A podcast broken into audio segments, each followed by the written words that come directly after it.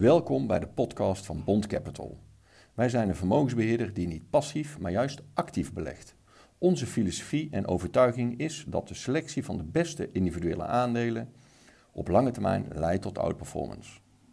De Zakenlunch. Tijd om belangrijk zakelijk nieuws van dit moment te bespreken. Eh, Samen met eh, Robert de Boek, oprichter, directeur van investeringsmaatschappij Antea Participaties. En Stan Westerter van Bond Capital Partners voor een blik op de beurs. Stan, goedemiddag. Goedemiddag. Toch nog altijd geen goed woord over voor Lagarde. Tenminste, als ik het aan Kees vraag. Want Nee. te weinig, te laat, doet er eigenlijk niet zoveel toe. Eh, wil je daar wat aan toevoegen? Nou, Kees is geen roker volgens mij. Want als hij nu met krimpflatie komt... iemand die rookt, die weet al twintig jaar... dat je een pakje sigaretten steeds minder sigaretten ingaan... en kleiner worden en dat soort zaken. Maar hij heeft natuurlijk wel een punt. Het is een soort van eh, verdekte inflatie die we zien. Ehm, en om dan aan te haken op wat de ECB en Lagarde heeft gezegd... ja. Ik denk dat het inderdaad eh, te laat is, maar beter ten halve gekeerd dan ten hele gedwaald in die zin. Maar ze moeten nu gewoon echt die rente gaan verhogen. En ook zelfs de, de, de duiven vanuit de ECB, die beginnen nu toch wel wat, eh, wat meer eh, ja, een, een strengere toon aan te slaan. Dus ik denk dat we kunnen gaan verwachten dat we in juli in ieder geval voor de eerste keer de rente gaan verhogen sinds een hele lange En tijd. denk je dat dat dan ook voor een deel ingegeven is... door die euro-dollar verhouding, of doet het er wat minder toe? Ehm, ja, voor een stukje. Kijk, eh, dat dat gebeurt is niet zo, eh, niet zo onlogisch als je kijkt naar interestpariteit, zoals we dat zo mooi noemen. Hè. De, de, de rente in Amerika is veel hoger dan in Europa. Alhoewel er wel wat correlatie is, uiteraard. Want we hebben ook in Europa al zien oplopen. Maar dan zie je dus dat de, dollar, of de valutaparen daarop reageren. En dus inderdaad, de dollar wordt sterker ten opzichte van de euro. En dus krijg je weer allerlei risico's die daarbij horen.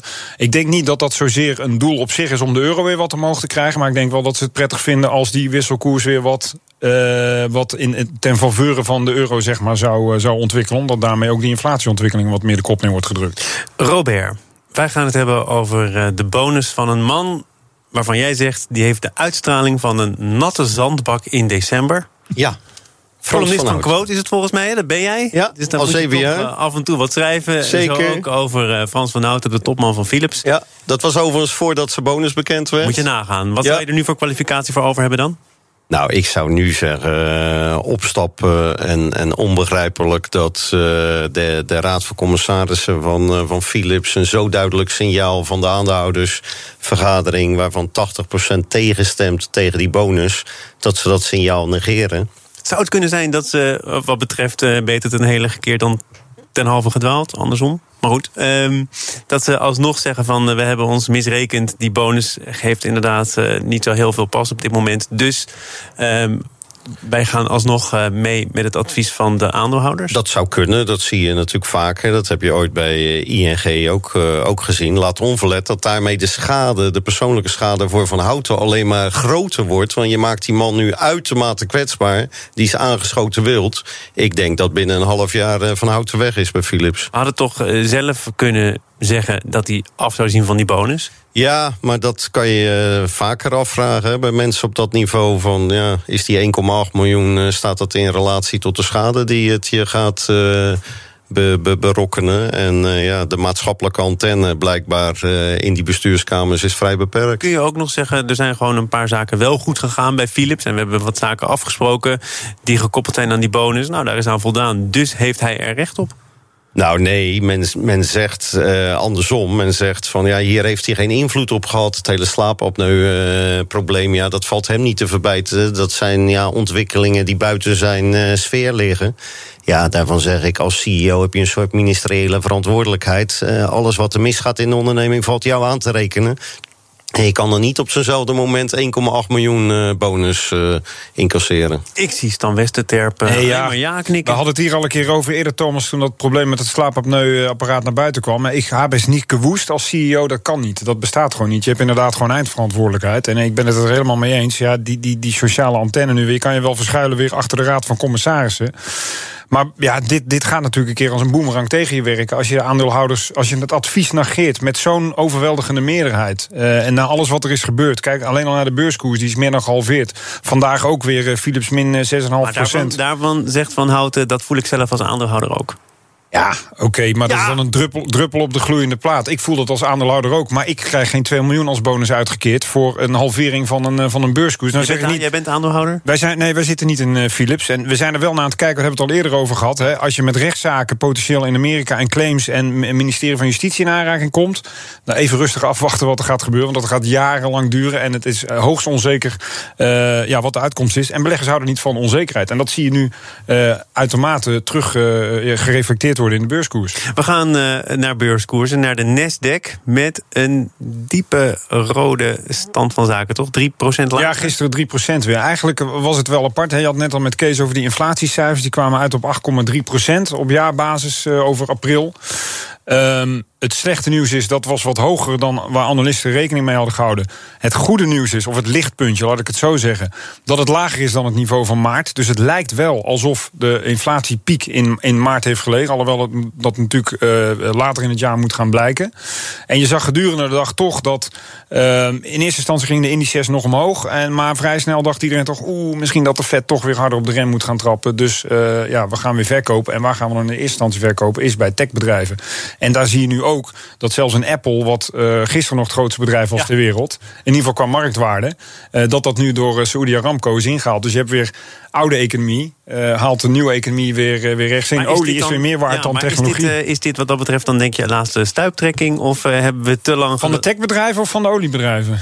Nou, is een goede vraag dan. Ja, nou, ik als zou zeggen van de Een olie. hele goede vraag. Ik, als ik een gooi mag doen, dan denk ik, kijk, in, eh, voor het laatst dat we zagen dat de olie- en energie, energiebedrijven de grootste bedrijven ter wereld waren, waren in, rond de jaren 2000, eh, eh, zeg maar tot en met net voor de financiële crisis.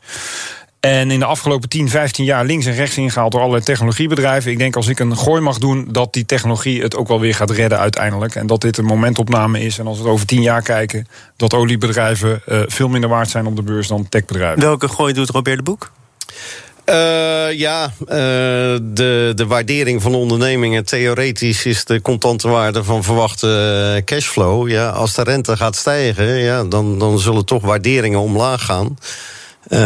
Dus wat dat betreft, met die, met die stijgende rente moet dat gebeuren. Ik ben overigens benieuwd. Antea heeft twee doelgroepen: één bedrijven, twee onze informal investors. Ik ben heel benieuwd wat de visie van Stan is... wanneer de banken eindelijk van die negatieve rente afstappen. Want ja. daar zullen in onze informals heel blij mee zijn Ja, ik als heb dat weg is. net nog een klant die zei dat de Rabobank toch weer zijn keutel introk... en dat, ze, dat hij alsnog negatieve rente moest gaan betalen... maar wel met het vooruitzicht als de ECB uiteraard gaat verhogen... dan zullen de, de, waarschijnlijk de banken in ieder geval voor de kleinere spaarders... eh, eh, of kleinere spaarders, voor de spaarders vrij snel volgen... en in ieder geval die, van die hatelijke eh, min een half afgaan. Nou, er, er wordt concreet nog weinig gezegd, hè? Eh, Tenminste, Nou ja, die het is- verwachting het- is het- natuurlijk uit te spreken. Maar Dat is net als bij de benzinepomp. De prijzen gaan altijd heel snel omhoog. Ja. Maar als het wat naar beneden gaat, dan zijn ze niet heel snel om het weer eh, te laten. Want het is ook gewoon winst. Het is Het is gewoon een verdienmodel, hè? het is Precies. gevonden geld. Ja. Eh, en ja, wat dat betreft hebben we natuurlijk een kartel. Eh, dat is met z'n drieën afgesproken. Eh, de ene begint en een week later komt de ander. Absoluut. Alleen het afschaffen zal wat langer duren. ja, we gaan eh, nog even naar alle gevolgen van inflatie. Eh, want jouw wiel ook krapt op de arbeidsmarkt. Ehm, dat betekent dat dat ook gevolgen heeft voor de positie van...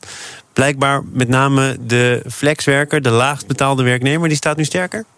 Ja, dat eh, stond vandaag in het, eh, in het FD en dat verbaast me niet. En er wordt zelfs gesproken... De er- leesbril gaat op. Er is een revolutie gaande op de arbeidsmarkt. De macht van de, de, de werknemers aan de onderkant neemt toe. Ja, ik, ik zei het van de week in een voorbespreking. ehm, veel belangrijker dan voor het, voor het MKB, veel belangrijker dan bedreiging van Oekraïne inflatie, is, is de krapte op de arbeidsmarkt. Je ziet het overal. Eh, nou ja, net het nieuws: eh, de NS moet minder treinen in restaurants. Zie te blokken bij ons op de Frederik Hendriklaan. Was dinsdag dicht vanwege een gebrek aan personeel. We zien het Schiphol natuurlijk gebeuren. Ja, je ziet het breed. heeft nog lang op zich laten wachten. Want die krapte op de arbeidsmarkt is al een tijdje gaande. Er zijn heel veel economen die ook in dit programma hebben gezegd... nou, waar blijft die loonsverhoging?